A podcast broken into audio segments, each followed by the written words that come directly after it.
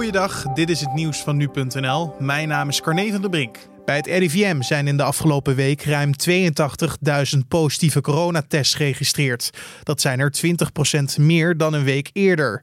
De nieuwe cijfers laten zien dat de opmars van het coronavirus nog onverminderd doorgaat. Volgens het RIVM is het nog te vroeg om de effecten van de strenge lockdown te zien. Het RIVM meldt verder dat er meer coronatests zijn afgenomen in vergelijking met de voorgaande week. Het aantal mensen dat positief is getest is ook gestegen en het aantal sterfgevallen. Reizigers vanuit het Verenigd Koninkrijk en Zuid-Afrika zijn weer welkom in Nederland na het tonen van een negatieve coronatest.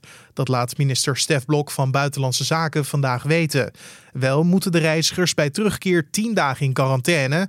En wanneer dit precies ingaat, is nog onbekend. Nederland voerde inreisverboden in voor het Verenigd Koninkrijk en Zuid-Afrika vanwege een nieuwe variant van het coronavirus dat daar werd vastgesteld. Duizenden reizigers waren hierdoor gestrand. De gemuteerde variant van het coronavirus, die werd ontdekt in het Verenigd Koninkrijk, is tot dusver twee keer aangetroffen in Nederland. Beide gevallen werden gesignaleerd in Amsterdam. Een van de positief geteste inwoners zou de laatste tijd niet in het Verenigd Koninkrijk zijn geweest, zo schrijft AT5.